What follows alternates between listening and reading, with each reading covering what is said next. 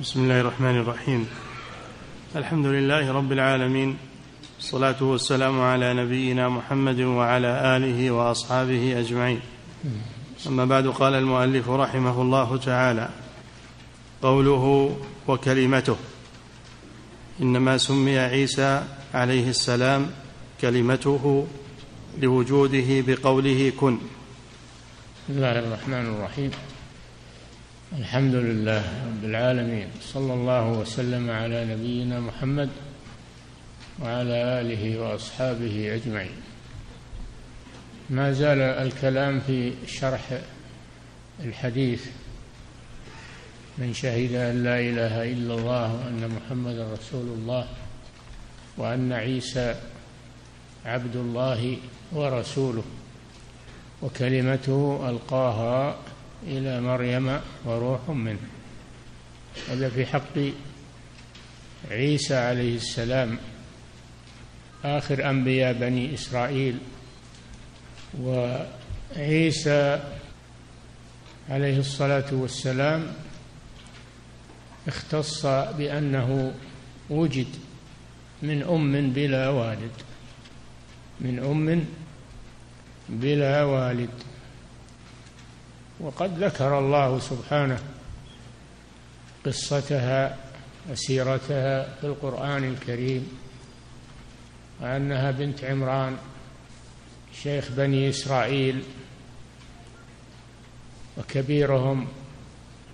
فلما مات كانت بنته مريم صغيرة كانت صغيرة ليس لها كافل فاختصم بها بنو إسرائيل كل يريد أن أن أن يأخذها ويربيها لمنزلة والدها عندهم ثم إنهم لجأوا إلى القرعة لجأوا إلى القرعة فخرجت القرعة لزكريا زوج خالتها زوج خالتها أم يحيى عليه السلام فكفلها زكريا ما كنت لديهم إذ يلقون أقلامهم أيهم يكفل مريم يعني يلقون القرعة وما كنت لديهم إذ يختصمون فالله أطلع نبينا محمد صلى الله عليه وسلم على ما جرى بينهم هذه معجزة للرسول صلى الله عليه وسلم وما كنت لديهم ولكن الله أخبره بذلك كأنه حاضر فخرجت القرعة لزكريا عليه السلام وهو زوج خالتها أم يحيى بن زكريا فدخلت في حضانته وعند خالتها فلما بلغت اتخذت من دونهم حجابا اتخذت من دونهم حجابا هذا دليل على الحجاب الذي ينكره الآن من ينكره من الغربيين والمستغربين اتخذت من دونهم حجابا يسترها عنهم وتخلو فيه للعباده وذكر الله عز وجل فهي فتاة صالحة تقية نقية اتخذت من دونهم حجابا واعتزلت عنهم فكان رزقها ياتيها في الحجاب وهي وراء الحجاب ياتيها رزقها يرزقها الله سبحانه وتعالى كل يوم يأتيها رزقها هذا من كرامات الأولياء يأتيها رزقها رغدا من بدون طلب وبدون كلما دخل عليها زكريا المحراب المحراب المراد به المصلى هو المحراب اللي نعرف الآن اللي يكون في الجدار يقف فيه الإمام لا المحراب المصلى الذي يتخذه الإنسان مصلى مثل محراب داود عليه السلام مصلاه وهل أتاك نبأ الخصم إذ تسوروا المحراب كان داود عليه السلام يقوم في مكان يصلي فيه يسمى بالمحراب ومريم كذلك اتخذت مكانا تعتزل فيه وتعبد ربها ويأتيها الرزق كلما دخل عليها زكريا المحراب وجد عندها رزقا قال يا مريم أنى لك هذا معتزلة عن الناس ولا يدخل عليها أحد ومع هذا يأتيها رزقها لأن الله أدره عليها بواسطة ملك من الملائكة وجد عندها رزقا قال يا مريم أنى لك هذا ماذا كان الجواب قالت هو من عند الله ان الله يرزق من يشاء بغير حساب هذه كرامه من كرامات الاولياء ثم جاءها جبريل عليه السلام بصوره رجل جاءها جبريل بصوره رجل تمثل لها بشرا سويا ففزعت من ذلك وظنت أنه يريدها بسوء وأنه آدمي وبشر يريدها بسوء قالت إني أعوذ بالرحمن منك أي ألتجي إلى الله يمنعني منك إن كنت تقيا تذكره بالله عز وجل فقال لها إنما أنا رسول ربك ملك جبريل عليه السلام أرسله الله إليها إنما أنا رسول ربك لأهب لك غلاما زكيا قالت أنى يكون لي غلام ولم يمسسني بشر ولم أك بغيا ما مسها زوج وليست بغي زانية أنى يكون لي غلام ولم يمسسني بشر ولم أك بغيا قال كذلك كذلك هو كذلك أنك لا لم يمسسني لم يمسسك أحد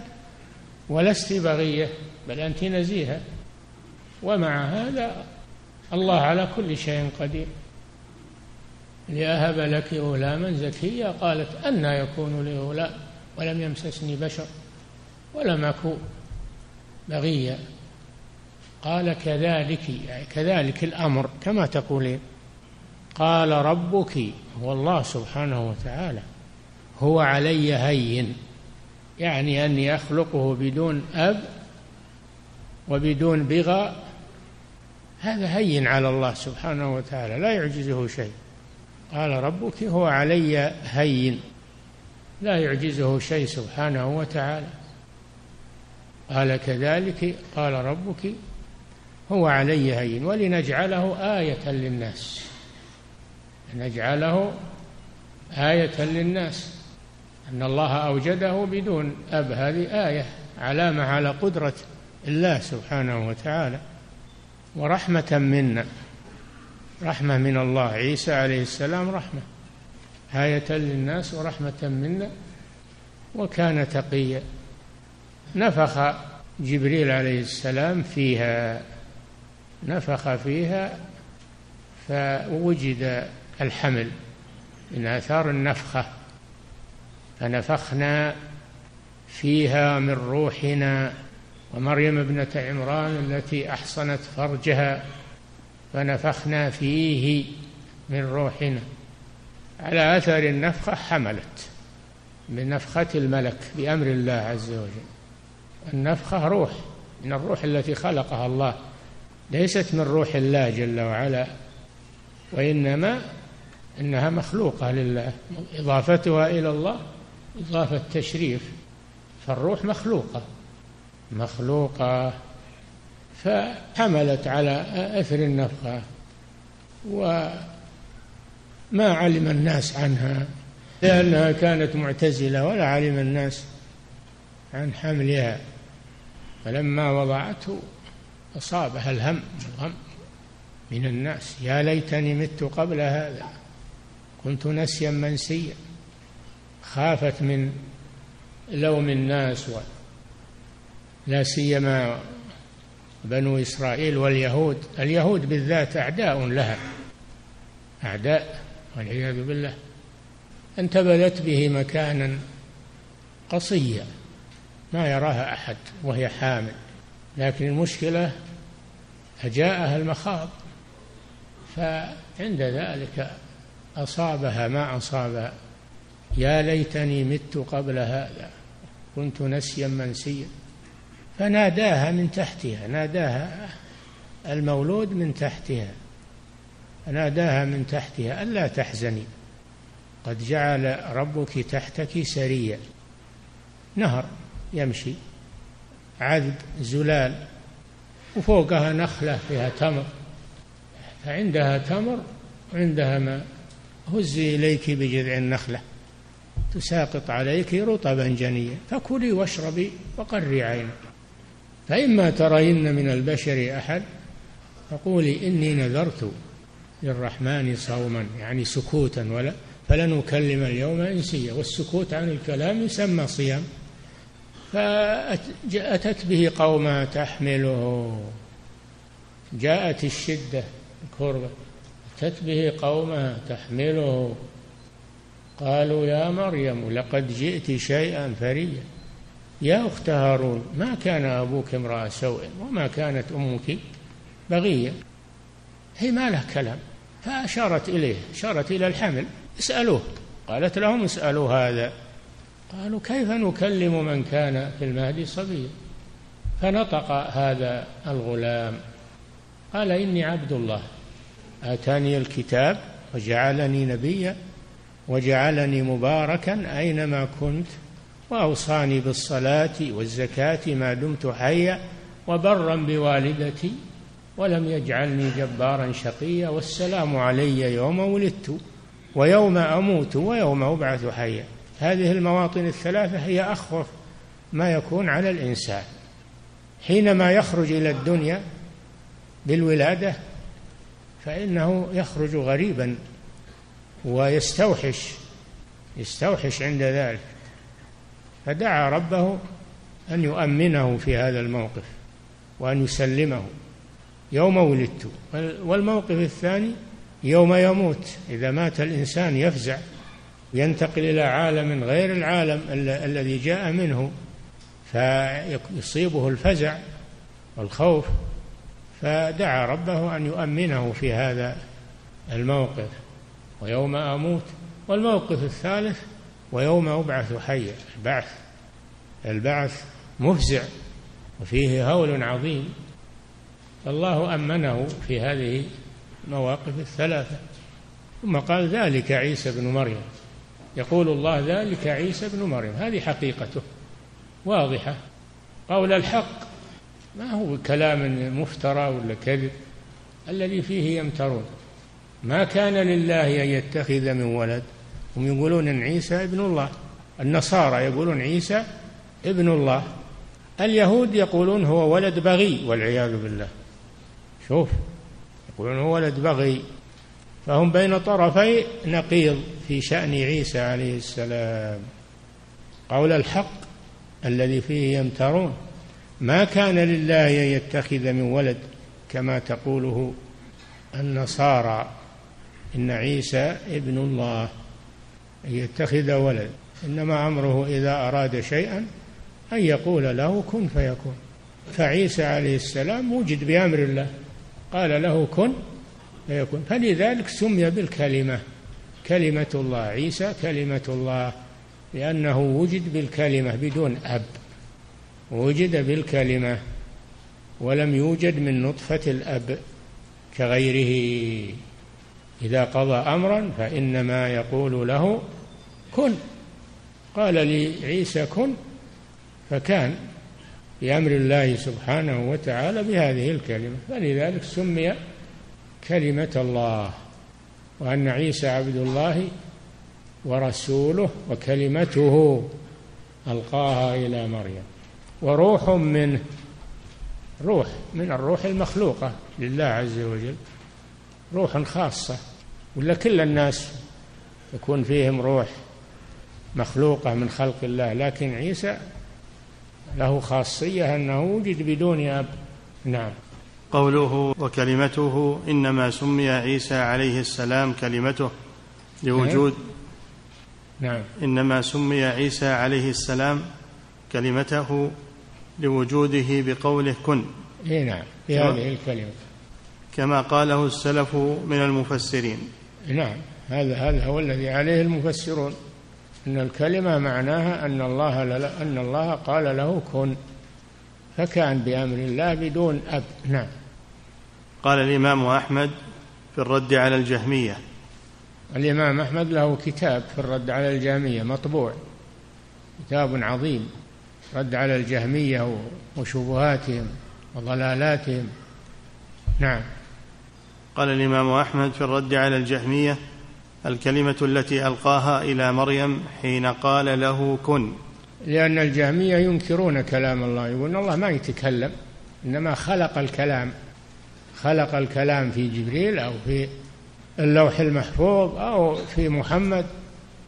فهو كلام الله بمعنى أنه مخلوق إضافة المخلوق إلى خالقه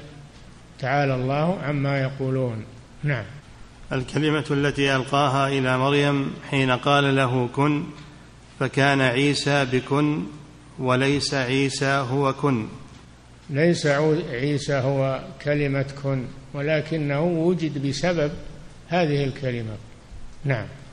وليس عيسى هو كن ولكن كان بكن فكن من الله تعالى قولا كن من الله قولا لا كما يقولون خلقا خلقه لأن يعني عندهم أن كلام الله مخلوق قبحهم الله وأن الله لا يتكلم إذا كان لا يتكلم صار مثل عجل بني إسرائيل ألم يروا أنه لا يكلمهم ولا يهديهم سبيلا الذي لا يتكلم لا يكون ربا كيف يأمر وكيف ينهى وكيف يخلق وهو لا يتكلم ألم يروا أنه لا يكلمهم ألم يروا أنه لا يكلمهم ولا يهديهم سبيلا الرب يكلم ويهدي ويدل الناس ويدبرهم هذا الرب نعم فكن من الله تعالى لا يرجع إليهم قولا ولا يملك لهم ضرا ولا نفعا كيف يكون هذا إله وهو لا يتكلم ولا يملك ضرا ولا نفعا هذا مثل الحجارة مثل الجمادات نعم تعالى الله عما يقولون نعم فكن من الله تعالى قولا وليس كن مخلوقا هذا رد أحمد على الجامية أن كن قولا من الله قال له كن شوف الآية قال له كن لكن إذا أعمى الله الأبصار وغلب الهوى فلا حيلة في الإنسان ولا واضحة الآية قال له كن نعم فكن من الله تعالى قولا وليس كن مخلوقا وكذب النصارى والجهمية على الله في أمر عيسى انتهى كذب النصارى في قولهم على الله إنه ابن الله إن عيسى ابن الله تعالى الله عما يقولون وكذب الجهمية في قولهم إن عيسى وجد بكن التي خلقها الله في في مريم خلقها الله في مريم ولا الله ما يتكلم ولا يقول كن تعالى الله عما يقولون نعم وقوله القاها الى مريم القاها اي الملك القى الكلمه الى مريم نعم وقوله القاها الى مريم قال ابن كثير خلقه بالكلمه التي ارسل بها جبرائيل عليه السلام الى مريم نعم فنفخ فيها من روحه بامر ربه عز وجل نعم فكان عيسى باذن الله عز وجل نعم فكان عيسى باذن الله عز وجل لما قال له كن كان بامر الله سبحانه وتعالى يعني وجد نعم فهو ناشئ عن الكلمه التي قال له كن فكان ناشئ عن الكلمة التي قالها الملك بأمر الله فكان نعم فهو ناشئ عن الكلمة التي قال له كن فكان والروح التي أرسل بها جبرائيل عليه السلام أي نعم وبالروح التي أرسل بها جبرائيل فجبرائيل أرسل بالكلمة ألقاها إلى مريم وأرسل بالروح التي نفخها فيها نعم قوله وروح منه قال أبي بن كعب عيسى روح من الأرواح التي خلقها الله تعالى أبي بن كعب الصحابي الجليل أحد حفاظ القرآن في عهد النبي صلى الله عليه وسلم يفسر هذه الآية فيقول نعم قال أبي بن كعب عيسى روح من الأرواح التي خلقها الله تعالى نعم لأن الأرواح مخلوقة وهي من عجائب خلق الله سبحانه الروح ما تعرف حقيقتها ما أحد يعرف حقيقة الروح ويسألونك عن الروح قل الروح من أمر ربي ما أحد يعرف حتى الإنسان ما يعرف روحه وش يمشي ويأكل ويشرب ولا يدري ولا فصلت منه الروح صار جمادا جسما هامدا ف إذا نام راحت منه الروح صار أيضا نائم إذا رجعت إليه تحرك هذا من عجائب قدرة الله ولا أحد عرف حقيقة هذه الروح ما هي نعم قال أبي بن كعب عيسى روح من الأرواح التي خلقها الله تعالى واستنطقها بقوله ألست بربكم قالوا بلى نعم لما خلق الله آدم مسح ظهره واستخرج ذريته مثل أمثال الذر استشهدهم على أنفسهم ألست بربكم قالوا بلى شهدنا فشهدوا أنه, أنه لا إله إلا الله وهم في صلب آدم عليه السلام في ظهر آدم عليه السلام أبي البشر نعم عيسى روح من الارواح التي خلقها الله تعالى واستنطقها بقوله الست بربكم قالوا بلى بعثه الله الى مريم فدخل فيها نعم الروح دخل في مريم الروح دخل في مريم فحملت به عيسى عليه السلام نعم رواه عبد بن حميد وعبد الله بن احمد في زوائد المسند وابن جرير وابن ابي حاتم وغيرهم هذا الأثر عن أبي بن كعب هؤلاء هم الذين رووه من الأئمة نعم قال الحافظ ووصفه بأنه منه حافظ بن حجر في شرح البخاري نعم قال الحافظ ووصفه بأنه منه المعنى أنه كائن منه أي نعم مثل خلق وخلق لكم ما في السماوات وما في الأرض جميعا منه هل المخلوقات هذه بعض من الله منه يعني تبعيضية لا ابتدائية يعني ابتدأوها من الله سبحانه وتعالى فكلمة من تكون للتبعيض وتكون تكون للابتداء فأنت إذا أرسلت رسالة إلى أحد قلت من فلان ابن فلان هل معناه أن أن منك يعني أن هذه جزء منك؟ لا معناها أنها ابتدأت هذه الكلمة وهذه الرسالة منك فمن ابتدائية وليست تبعيضية نعم قال الحافظ ووصفه بأنه منه المعنى أنه كائن منه كما في قوله تعالى وسخر لكم ما في السماوات وما في الأرض جميعا منه اي نعم فكلمة منه ليست تبعيضية وإنما هي ابتدائية يعني ابتداء هذه الكائنات من الله جل وعلا نعم فالمعنى أنه كائن منه كما ان معنى الايه الاخرى انه سخر هذه الاشياء كائنه منه اي انه مكون ذلك وموجده بقدرته وحكمته نعم قال شيخ الاسلام المضاف الى الله تعالى نعم شيخ الاسلام ابن تيميه يقول المضاف الى الله تعالى على قسمين اضافه صفه الى الموصوف واضافه مخلوق الى الخالق فمثلا كلام الله هذه صفة من صفاته كلام الله رحمة الله علم الله كل هذه صفات من صفاته إضافتها إليه إضافة صفة إلى موصوفها النوع الثاني إضافة مخلوق إلى خالقه مثل كعبة الله ناقة الله هذه إضافة مخلوق إلى إلى الخالق جل وعلا إضافة تشريف يعني إضافتها إلى الله تشريف وتكريم فالكعبة بيت الله مضافة إلى الله إضافة تشريف ناقة الله التي هي ناقة صالح عليه السلام هذه أضيفت إلى الله إضافة تشريف مخلوقة نعم قال شيخ الإسلام المضاف إلى الله تعالى إذا كان معنى لا يقوم بنفسه ولا بغيره من المخلوقات وجب أن يكون صفة لله تعالى قائمة به أي نعم المضاف إلى الله إذا كان لا يقوم بنفسه وإنما هو معنى من المعاني فهذا صفة وأما إذا كان يقوم بنفسه مثل ناقة الله بيت الله عبد الله هذه إضافة مخلوق إلى خالقه ففي فرق بين إضافة المعاني وإضافة المخلوقات نعم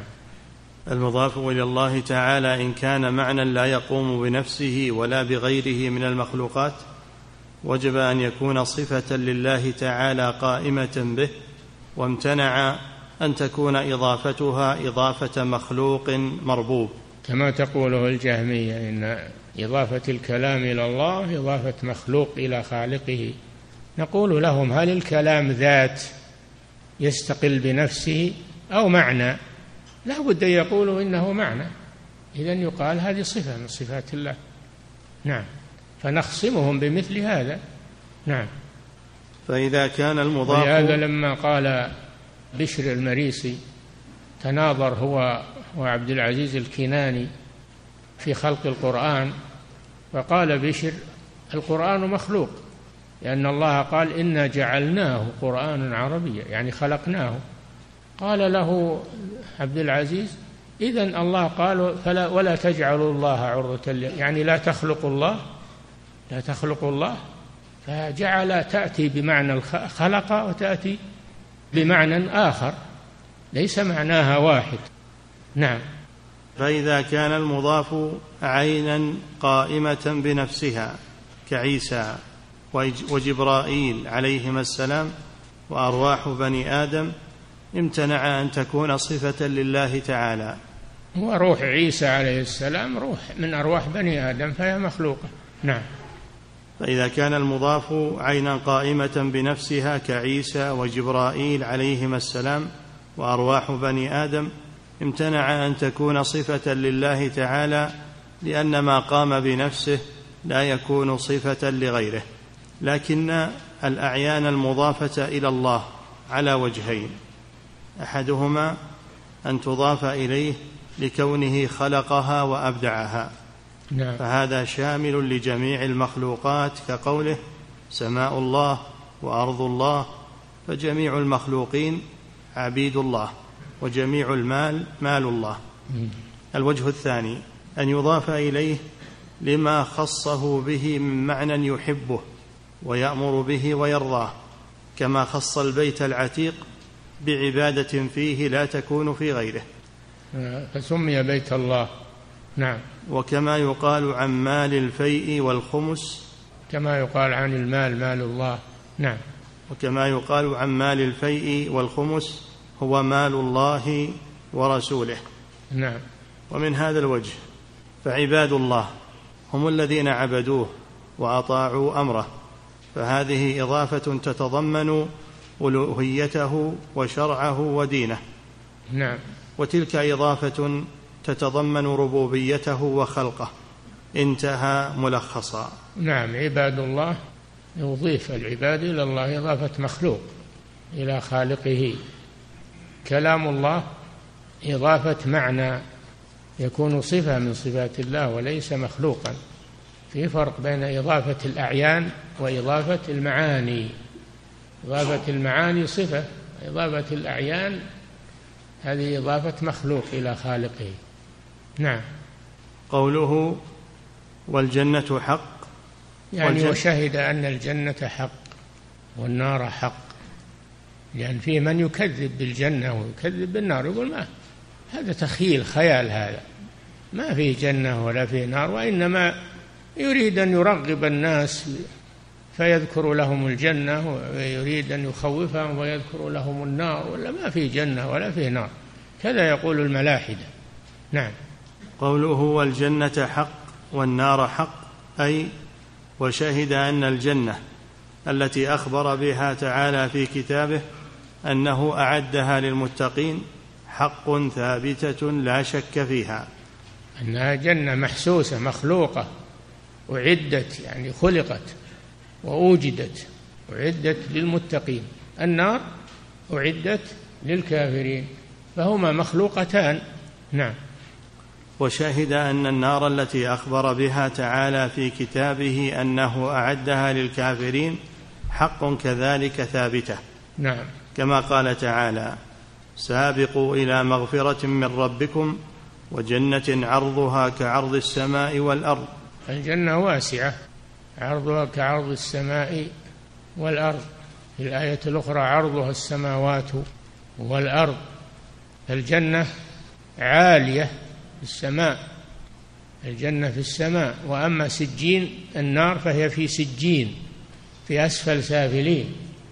فالجنة عرضها السماوات والأرض عرض كعرض السماء والأرض لأنها في العلو في السماء أما النار فإنها أسفل سافلين في سجين والعياذ بالله تحت الارض السابعه نعم كما قال تعالى سابقوا الى مغفره من ربكم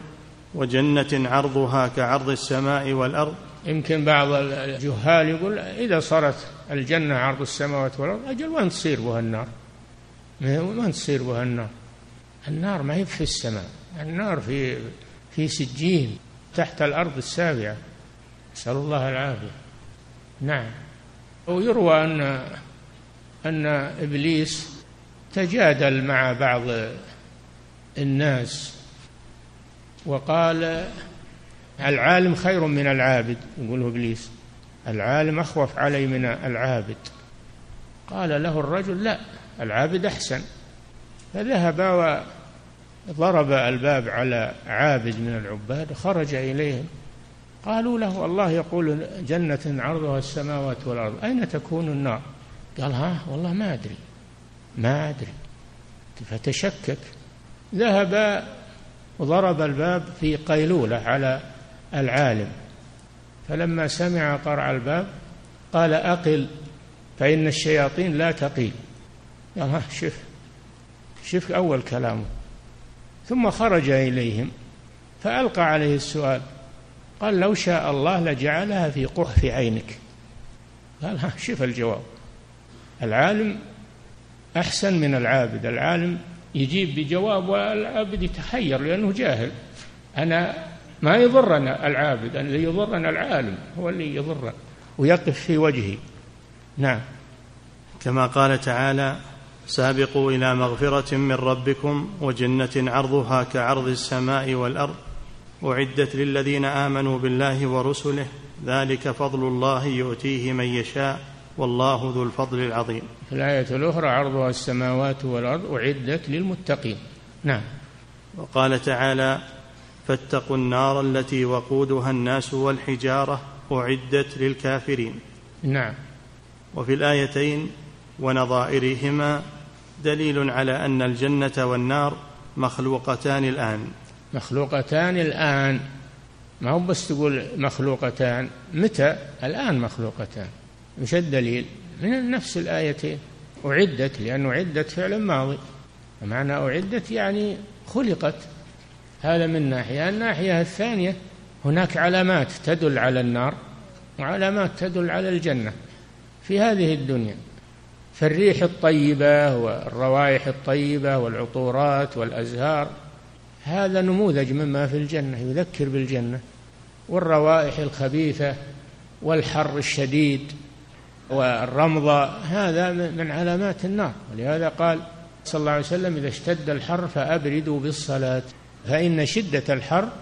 من فيح جهنم جعل الله لها نفسان نفس في الشتاء وذلك ما يجده الناس من شدة البرد ونفس في الصيف وذلك ما يجده الناس من شدة الحر نعم وفي الآيتين ونظائرهما دليل على أن الجنة والنار مخلوقتان الآن خلافا للمبتدعة الذين يقولون ما في جنة ولا نار هذا من باب التخييل لأجل الناس يخافون ويرجون وكذا وطائفة يقولون لا فيه جنة ونار لكن ما خلقت الآن تخلق يوم القيامة ايش أدراكم أنها ما خلقت وأنها تخلق يوم القيامة نعم وفيهما الإيمان بالمعاد الإيمان بالمعاد وهو البعث المعاد هو البعث نعم الجنة حق والنار حق هذا فيه الإيمان باليوم الآخر لأن الجنة والنار في اليوم الآخر نعم قوله أدخله الله الجنة على ما كان من العمل من شهد أن لا إله إلا الله وأن محمدا رسول الله وأن عيسى عبد الله ورسوله وكلمته ألقاها إلى مريم وروح منه الجنة حق والنار حق الجواب ما هو أدخله الله الجنة هذا الجواب جواب من جواب من نعم قوله أدخله الله الجنة على ما كان من العمل هذه على ما كان من العمل قيل معناه أنه يكون في الجنة على حسب عمله هم درجات عند الله والله بصير بما يعملون فأهل الجنة يتفاضلون في المنازل حسب أعمالهم فهذا يكون معنى قوله على ما كان من العمل وقيل على ما كان من العمل يعني وإن كان عنده سيئات دون الشرك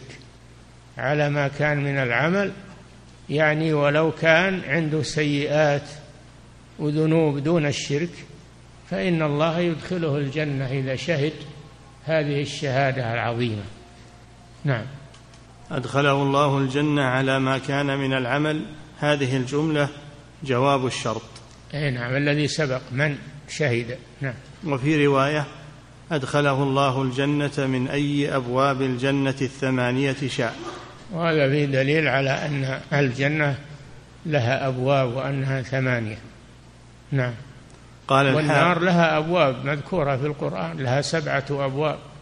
كل باب منهم جزء مقسوم أما الجنة فلم تذكر أبواب عدد أبوابها فتحت أبوابها وفتحت أبوابها دل على لها أبواب لكن لم يذكر عددها لكن جاء في الأحاديث أبواب الجنة الثمانية نعم قال الحافظ ومعنى قوله على ما كان من العمل أي من صلاح أو فساد لكن أهل التوحيد لا بد لهم من دخول الجنة وإن كان عندهم سيئات دون الشرك ولو عذبوا في النار فهم يدخلون الجنه إما من أول وهلة وإما بعد أن يعذبوا ويهذبوا وينقوا من الذنوب نعم ويحتمل أن يكون معنى قوله على ما كان من العمل أن يدخل أهل الجنة الجنة على حسب أعمال كل منهم في الدرجات نعم انتهى نعم قال القاضي عياض ما ورد في حديث عبادة يكون خصوصا لمن قال ما ذكره النبي صلى الله عليه وسلم وقرن بالشهادتين حقيقة الإيمان والتوحيد الذي ورد في حديثه نعم. فيكون له من الأجر ما يرجح على سيئاته ويوجب له المغفرة والرحمة ودخول الجنة لأول وهلة قد يدخل الجنة لأول وهلة ولا يعذب وإن كان عنده ذنوب يغفرها الله سبحانه وتعالى وأيضا ترجح حسناته فمن ثقلت موازينه فأولئك هم المفلحون فالموحد الذي يقول لا إله إلا الله بحق ترجح يوم القيامة بسيئاته فيدخل الجنة نعم قال العلامة ابن القيم رحمه الله تعالى والمقصود أن كلمة التوحيد إذا شهد بها المؤمن عارفا لمعناها وحقيقته إذا شهد بها عارفا بمعنى ما هو بس يقولها لفظه وما ما يدري وش معناه أو يدري ولكن ما يعمل به ما تنفعه لا إله إلا الله لا بد أن يكون عالما بمعناها عاملا بمقتضاها نعم والمقصود أن كلمة التوحيد إذا شهد بها المؤمن عارفا لمعناها وحقيقتها نفيا وإثباتا متصفا بموجبها أي متصفا بموجبها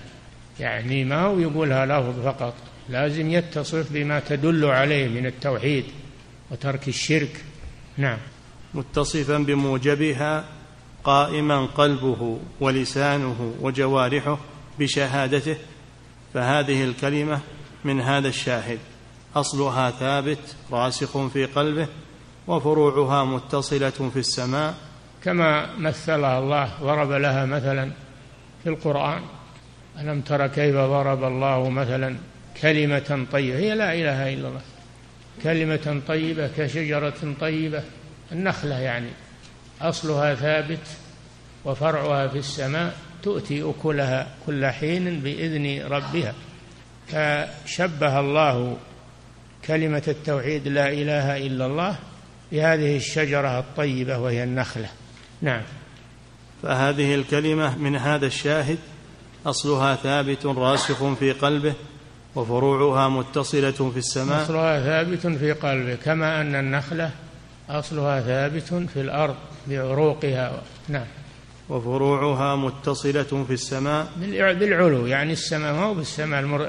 المبنية السماء المراد بها العلو يعني النخلة ترتفع والنخلة باسقات مرتفعات نعم مرتفعات إلى السماء إلى العلو يعني نعم وهي مخرجة لثمرتها كل وقت هذا شيء معروف من النخلة لا إله إلا الله مثل النخلة تنتج الثواب والجزاء نعم وهي مخرجة لثمرتها كل وقت انتهى نعم قال المصنف رحمه الله تعالى ولهما يكفي نقف عند هذا نعم فهذا فيه شاهد لقول المؤلف باب فضل التوحيد وما يكفر من الذنوب نعم هذا الحديث فيه أن من شهد أن لا إله إلا الله وأن محمد رسول الله إلى آخره أدخله الله الجنة على ما كان من العمل فهو شاهد لقول المصنف رحمه الله باب فضل التوحيد وما يكفر من الذنوب نعم فضيلة الشيخ وفقكم الله يقول هل في هذا العصر أولياء تأتيهم كرامات الله أعلم ما يخلو عصر من ما ننفي إن, إن, إن ما فيه أولياء الله أعلم فيه أولياء الله أعلم بهم نعم فضيلة الشيخ وفقكم الله لكن ليس الأولياء عند الصوفية أو عند القبورية الذين يتعلقون بهم ويدعونهم ويستغيثون بهم نعم فضيلة الشيخ وفقكم الله يقول ما حكم قول مريم عليها السلام هل يجوز هذا أن نقول عليها السلام لا مانع كل مؤمن يجوز أن تقول عليه السلام لكن اتخاذ هذا شعارا هذا في حق الرسول صلى الله عليه وسلم اتخاذه دائما أما إذا قيل بعض الأحيان عليه السلام فلا بأس أما الشيعة اللي يقولون علي عليه السلام يتخذونه شعار هذا لا يجوز نعم فضيلة الشيخ وفقكم الله يقول في الآية يا أخت هارون بدلا من يا أخت موسى فلماذا لم تنسب ما هارون اللي تعرفون هارون أخي موسى وين بينها وبين موسى وهارون زمن طويل جدا المراد هارون في وقتها أما أنه رجل صالح وما الله أعلم لكن ما هو هارون أخو موسى عليهما السلام نعم فضيلة الشيخ وفقكم الله يقول هل النصرانية فرع عن الديانة اليهودية النصرانية مبتدعة ابتدعها النصارى قالوا إنا نصارى هم اللي سموا أنفسهم نصارى هم اللي سموا أنفسهم بالنصارى نعم فضيلة الشيخ وفقكم الله يقول إلى أين يعود الضمير في قوله تعالى فنفخنا فيه من روحنا في فرجها يعني أحصنت فرجها فنفخنا فيه يعني في فرجها نعم فضيلة الشيخ وفقكم الله يقول ما معنى أن المعتزلة يعتقدون أن الصفات أعراض كيف؟ ما معنى قولنا إن المعتزلة يعتقدون أن الصفات أعراض الصفات تنقسم إلى أعيان تنقسم إلى أعيان معاني وتنقسم إلى أفعال خلق ورزق وإحياء وإماتة صفات ذاتية وصفات فعلية الله جل وعلا له صفات ذاتية ملازمة لذاته سبحانه وله صفات فعلية يخلق ويرزق ويتكلم ويأمر وينهى ويتجدد هذا في كل وقت نعم فضيلة الشيخ وفقكم الله ما يذكره من يسمون بأهل الإعجاز العلمي في القرآن من أن أكل الرطب مناسب للحامل ومن تضع حملها أخذا من الآية وهزي إليك بجذع النخلة هل هذا أخذ صحيح؟ لا هذا ما ما هو بإعجاز هذا الله خلق التمر هكذا الله خلق التمر هكذا من فوائده أنه تستفيد منه تستفيد منه النفس التي وضعت حملها نعم هذه صفة للتمر نعم فضيلة الشيخ وفقكم الله يقول هل قراءة هذه الآيات الواردة في عيسى عليه السلام وبيان معانيها للنصارى هل قراءة هذه الآيات الواردة في عيسى عليه السلام في سورة مريم وبيان معانيها للنصارى يكون كافيا في إقامة الحجة عليهم ما في شك أنه ما في هذه الآيات من سورة مريم وما في سورة آل عمران أنه حجة على النصارى في وصفهم عيسى بأنه ابن الله نعم فهو يرد عليهم ما كان لله أن يتخذ من ولد سبحانه إذا قضى أمرا فإنما يقول له كن فيكون نعم فضيلة الشيخ وفقكم الله يقول هل ورد أن عيسى عليه السلام استمر في الكلام بعد نطقه الأول حال طفولته الله أعلم نعم فضيلة الشيخ وفقكم الله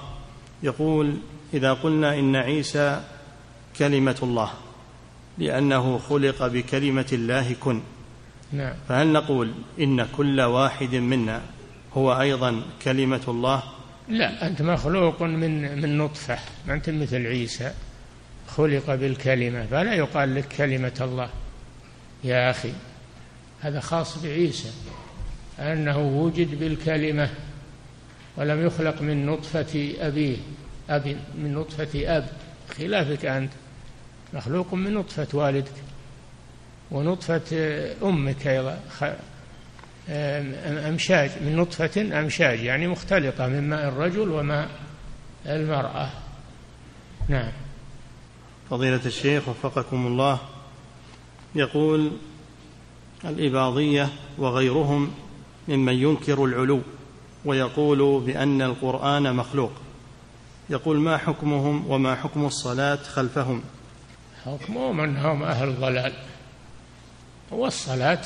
الله وسع الدنيا فيه ائمه ليسوا على هذا المذهب صل خلفهم نعم فضيلة الشيخ وفقكم الله يقول هناك بعض السحرة أحيانا امام الناس يغطون شيئا بغطاء ثم يقولون كن فيظهر شيء من هذا الفراغ هذا سحر هذا سحر تخيل يخيلون للناس اشياء لا ليس لها حقيقه والسحر على قسمين سحر حقيقي يؤثر ويقتل ويمرض وسحر تخييلي سحروا اعين الناس واسترهبوهم وجاءوا بسحر عظيم هذا تخيل خيلوا إليه من سحرهم أنها تسعى يعني العصي آه، هذا تخيل وكذب نعم فضيلة الشيخ وفقكم الله هل يجوز التعبد لله بالصوم يقلبون الأشياء على عينك يقلبونها على غير حقيقتها يقلبون الحشرات تصير غنم تمشي خراف وسمان وهي خنافس إذا راح التخيل عادت إلى أصلها فنافس هذا تخييل يزول ويبطل نعم فضيلة الشيخ وفقكم الله هل يجوز التعبد لله بالصوم عن الكلام كما فعلت مريم عليه لا لا لا مريم فعلته لحاجة أنت مالك حاجة بالصوم عن الكلام نعم إلا الكلام المحرم تمسك عنه تصوم عنه عن الكلام المحرم نعم فضيلة الشيخ وفقكم الله يقول السائل أنا إمام مسجد ويسألني بعض جماعة المسجد عن حمل مريم عليها السلام بعيسى عليه السلام هل حملت به قل لهم اسألوني عن شروط الصلاة وأحكام الوضوء ونواقض الوضوء وخلوا السؤال عن مريم وعن عيسى ما وصلتم إلى هذا لا تفتح لهم الباب في مثل هذه الأسئلة نعم إذا سألك عن عيسى قل كم شروط الصلاة وش معنى لا إله إلا الله إيه اسألوا عن هذا نعم فضيلة الشيخ وفقكم الله في قوله سبحانه ألست بربكم يقول هل هذا استشهاد على الربوبية فقط أم على الربوبية والألوهية كلها ما تكون ربوبية بدون ألوهية من لازم الربوبية الألوهية نعم فضيلة الشيخ وفقكم الله يقول هل ورد أن هناك ملك الرب يطلق أحيانا بمعنى الإله والإله يطلق بمعنى الرب كله سواء نعم فضيلة الشيخ وفقكم الله يقول هل ورد أن هناك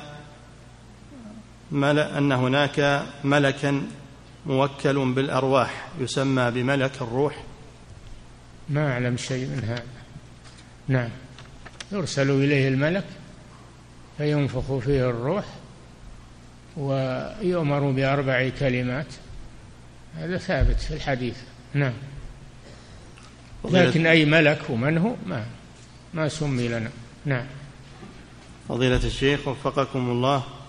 يقول وروح منه هل صحيح أن من تفيد الابتداء فيكون في ذلك رد على النصارى روح منه يعني مخلوقة كل المخلوقات من الله أليس كذلك كلها من الله الله خلقها نعم فضيلة الشيخ وفقكم الله يقول كيف نرد على من قال إن الجنة والنار ليستا بموجودتين مستدلا بقوله تعالى كل من عليها فان إلا ما استثنى الله سبحانه وتعالى صعق من في السماوات ومن في الأرض إلا من شاء الله هذا مما يستثني الله سبحانه وتعالى نعم فضيلة الشيخ وفقكم الله يقول واعظ أو داعية يقول إن النار في السماء مستدلا بقوله وفي السماء رزقكم وما توعدون وهل, وهل النار رزق لنا يقال انها في السماء في السماء رزقكم يعني المطر المطر في السحاب بين السماء والارض هذا رزقكم وما توعدون هو الجنه نعم فضيله الشيخ وفقكم الله يقول النفسان التي لجهنم معلوم أن النار حارة يقول فكيف النار كما أنها حارة فيها زمهرير فيها شدة البرد والعياذ بالله فيها حرارة وفيها برودة ضارة زمهرير نعم فضيلة الشيخ وفقكم الله لا يرون يعني لا يرون فيها يعني في الجنة شمسا ولا زمهريرا نعم هذا في النار نعم فضيلة الشيخ وفقكم الله يقول عندنا صوفية يعتقدون أن المؤمن الصالح يتكلم مع ربه في البرزخ فهل يوجد دليل على ذلك؟ اسألهم قل وش دليلكم؟ عجزهم إن جاءوا بدليل وإلا فهم كذبة ولا يأتون بدليل ما عندهم دليل نعم فضيلة الشيخ وفقكم الله يقول هل يمكن أن يرى الإنسان ربه في المنام يكلمه أو يبشره وهو غير نبي يمكن يمكن هذا شيء الله أعلم به ممكن لا, لا ننفيه نعم رؤية المنام غير رؤية اليقظة نعم فضيلة الشيخ وفقكم الله ما صحة قول من يقول إن الحجة على العباد قامت بالميثاق والعقل والفطرة لا ما تكفي هذه ما تكفي ولذلك أرسل الله الرسل وأنزل الكتب ما يكفي إن, إن الله أخذ عليهم الميثاق ولا يحتاجون إلى رسل ولا يحتاجون إلى كتب هذا ما يكفي نعم فضيلة الشيخ وفقكم الله يقول السائل العمرة في شهر محرم هل لها فضل على غيرها من الأشهر ما أعرف شيء في هذا ما أعرف أن أن العمرة تشرع في شهر المحرم نعم يقول المحرم نعم أي نعم ما أعرف شيء يحتاج إلى دليل نعم فضيلة الشيخ وفقكم الله قضاء النوافل الفائتة من صلاة النهار هل تقضى في النهار فقط أم تقضى بالليل والنهار الصلوات إيش قضاء النوافل الفائتة من صلاة النهار النوافل ما تقضى إذا فات وقتها لا تقضى إلا راتبة الفجر إلا راتبة الفجر والوتر في الليل يقضيان في النهار نعم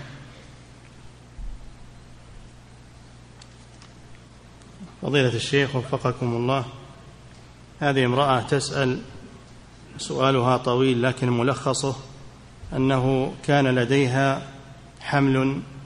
وكانت في الشهر الخامس وقرر الأطباء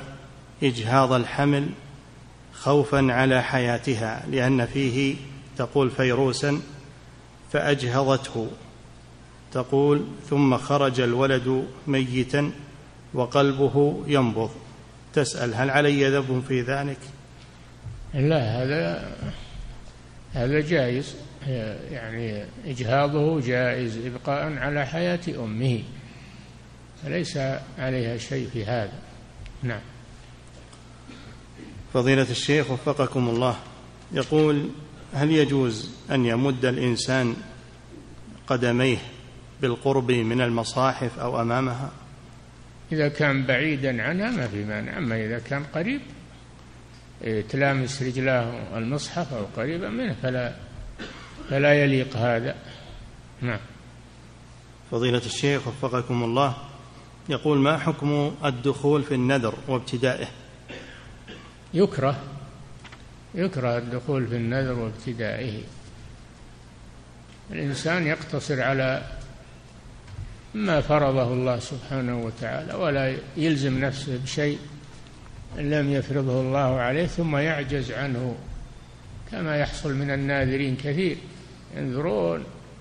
ثم إذا تحقق لهم ما يريدون صاروا يسألون لأنه النذر صعب عليهم لا يدخل فيه الإنسان قال صلى الله عليه وسلم إن النذر لا يأتي بخير وفي رواية فلا تنذروا نهى عن النذر نعم الإنسان بعافية لا ينذر يفعل الخير بدون نذر نعم فضيلة الشيخ وفقكم الله يقول الذهاب إلى بلاد الكفار لأجل أو السفر إلى بلاد الكفار لأجل السياحة فقط ما حكمه حرام لا يجوز لأجل السياحة عليه خطر من الكفر عليه خطر من آه، الضلال عليه خطر من فلا يجوز له السفر إلى بلاد الكفر لأجل السياحة نعم فضيلة الشيخ وفقكم الله يقول إذا أراد الإنسان أن يسافر من بلد إلى آخر فهل يشرع له الاستخارة؟ إذا أراد الإنسان أن يسافر من بلد إلى بلد آخر نعم. فهل تشرع له صلاة الاستخارة إذا كان آه، أنه أمر مهم ومتردد فيه هل يفعله أو لا يفعله تشرع كان السفر هذا أمر مهم وهو متردد فيه آه، يصلي صلاة الاستخارة ويدعو نعم وكذلك حفظك الله يسأل وإذا وصلت إلى ذاك البلد فهل يشرع لي أن أصلي صلاة شكر أو أسجد سجود شكر ما ورد هذا لكن تحمد الله تشكره ولا يحدث صلاة بدون دليل نعم أو سجود بدون دليل نعم فضيلة الشيخ وفقكم الله ورد في الحديث عن ابن مسعود رضي الله عنه قال قال رسول الله صلى الله عليه وسلم الربا سبعون بابا والشرك مثل ذلك يقول ما المراد بهذه الابواب وبعددها اما والشرك مثل ذلك ما, ما رايته ما ادري ولكن سبعون حوبا او بابا يعني ان الربا كثير انواع كثيره ما هو مقصور على المعاملات أربى الربا استطالة المرء في عرض أخيه فالربا يكون في المحرمات المحرمات تسمى ربا نعم فضيلة الشيخ وفقكم الله هذه امرأة تسأل فتقول صليت الظهر في مبنى المدرسة لمدة ثلاثة أسابيع أو ثلاث أسابيع ثم نبهتني إحدى الأخوات أن القبلة في اتجاه آخر غير الاتجاه الذي كنت أصلي فيه أو إليه هل يلزمني إعادة الصلوات أم أعذر بالجهل لا الجهل ما تعذرين فيه لأن هذا شرط من شروط الصلاة ما يسقط بالجهل لكن إن كان الانحراف يسير لا يضر أما إن كان الانحراف كثير القبلة عن يعني وراء ظهرك أو إلى جنبك فلا بد من إعادة الصلاة لفقدان الشرط وهو استقبال القبلة من غير عذر أنت في بلد وعند الناس ليه ما سألتي لما نظرت للمساجد حولك نعم فضيلة الشيخ وفقكم الله هذه امرأة من إحدى بلاد الغرب تقول إنها امرأة مسلمة وقد وقعت في كبيرة الزنا وحملت وتسأل الآن تقول هل يجوز لها أن تجهض علما بأن الجنين في بطنها عمره أربعة أسابيع لا ما تجهر تجمع جريمتين جريمة الزنا وجريمة الإجهاض ما تجهر هذه بلوى تصبر عليها تتوب إلى الله عز وجل تتوب إلى الله إذا تابت إلى الله تاب الله عليها نعم فضيلة الشيخ وفقكم الله يقول ساعة الإجابة في يوم الجمعة ما الراجح في وقتها محل خلاف بين العلماء ذكر الحافظ بن رجب آه، ذكر الحافظ آه، ابن حجر في فتح الباري أكثر من عشرين قولا فيها أرجحها والله أعلم ما اختاره الإمام أحمد أنها آخر النهار آخر النهار قبيل غروب الشمس هذا قول والقول الثاني أيضا أنها من حين يصعد الإمام على المنبر إلى أن تقضى الصلاة نعم فضيلة الشيخ وفقكم الله يقول في الرد على السلام يقول بعض الناس وعليكم السلام ورحمة الله وأفضل البركات هل يشرع هذا؟ جائز هذا جائز نعم وكذلك حفظك الله يقول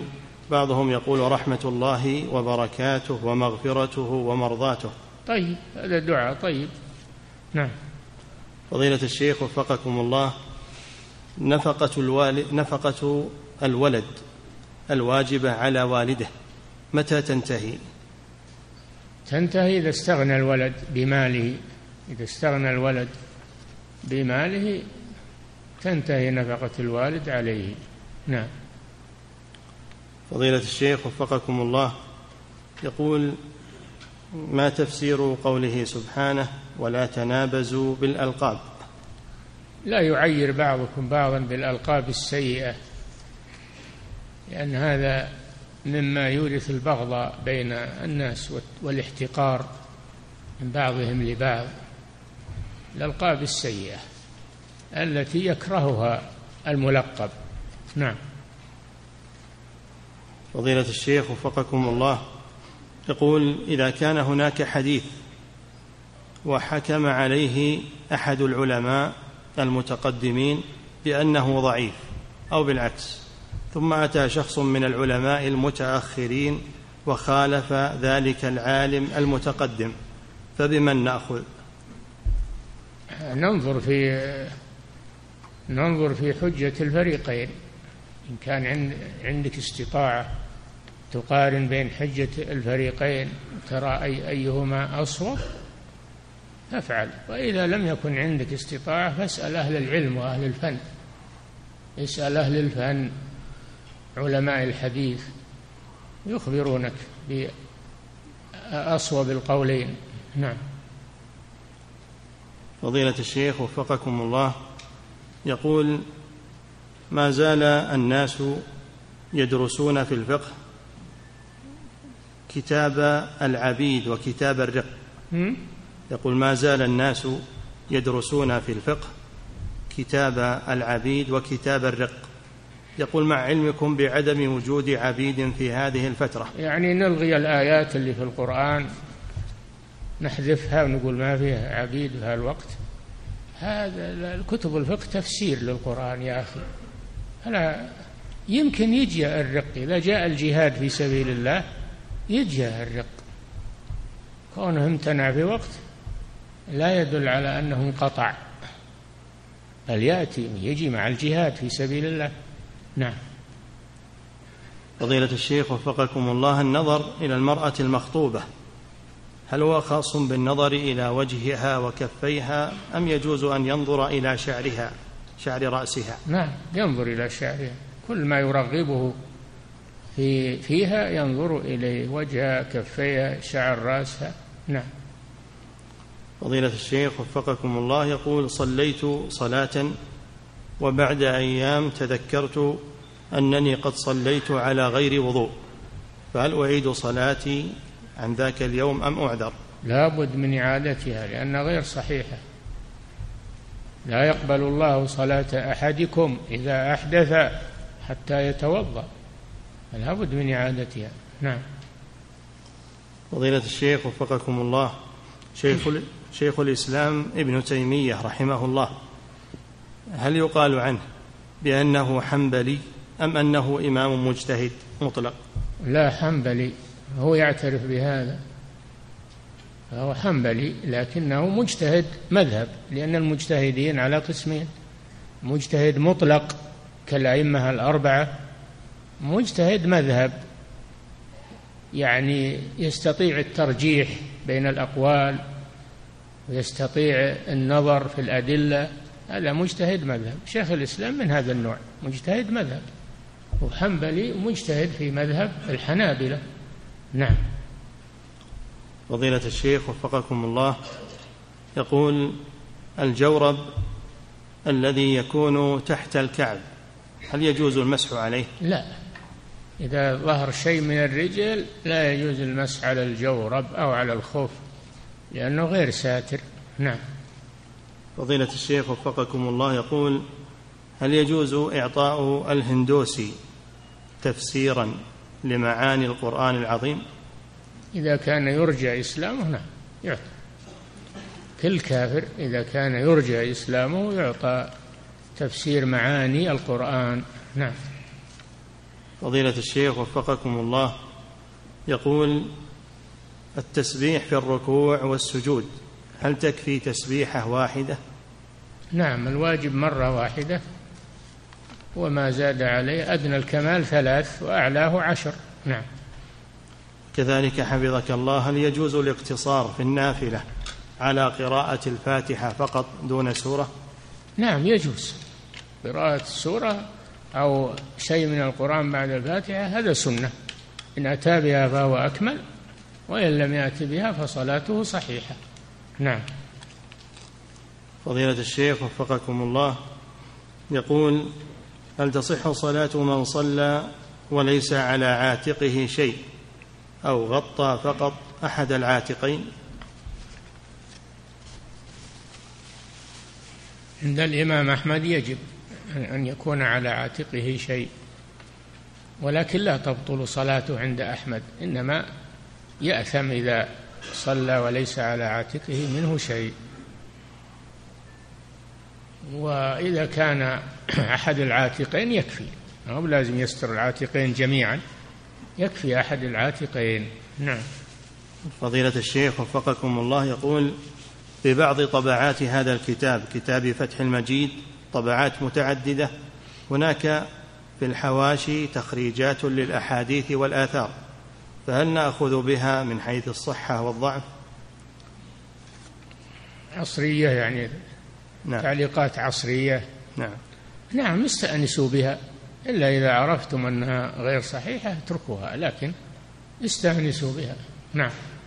فضيلة الشيخ وفقكم الله يقول تعليق الأذكار ولكن انتبهوا فيه ناس حتى إن وجد منهم من كتب ضعيف كتاب التوحيد يعني الأحاديث الضعيفة في كتاب التوحيد وهذا لا يجوز كتاب التوحيد نعم يأتي فيه الحديث الضعيف لكن يكون له ما يشهد من الآيات من الأحاديث الصحيحة يكون ما تحت دليل آخر يشهد له ويقويه نعم فلا يستعجل الإنسان في مثل هذا الأمر نعم فضيلة الشيخ وفقكم الله يقول تعليق الأذكار والأدعية في المساجد أمام الناس لتذكيرهم بها ما حكمه هذا عمل لم يسبق إليه أحد من السلف ما كانوا يعلقون في المساجد لوحات ولا صفحات ولا هذا اجتهاد من بعض الشباب هداهم الله والواجب أن المساجد تخلو من التعليقات ومن الإعلانات لئلا يشغلوا المصلين من أراد أن يعلم الناس الأذكار يدرسهم إياه تدريس فاسألوا أهل الذكر إن كنتم لا تعلمون بالبينات والزبر وأنزلنا إليك نعم. الذكر لتبين للناس ما نزل إليهم ولعلهم يتفكرون والتقنية الحديثة وسيلتنا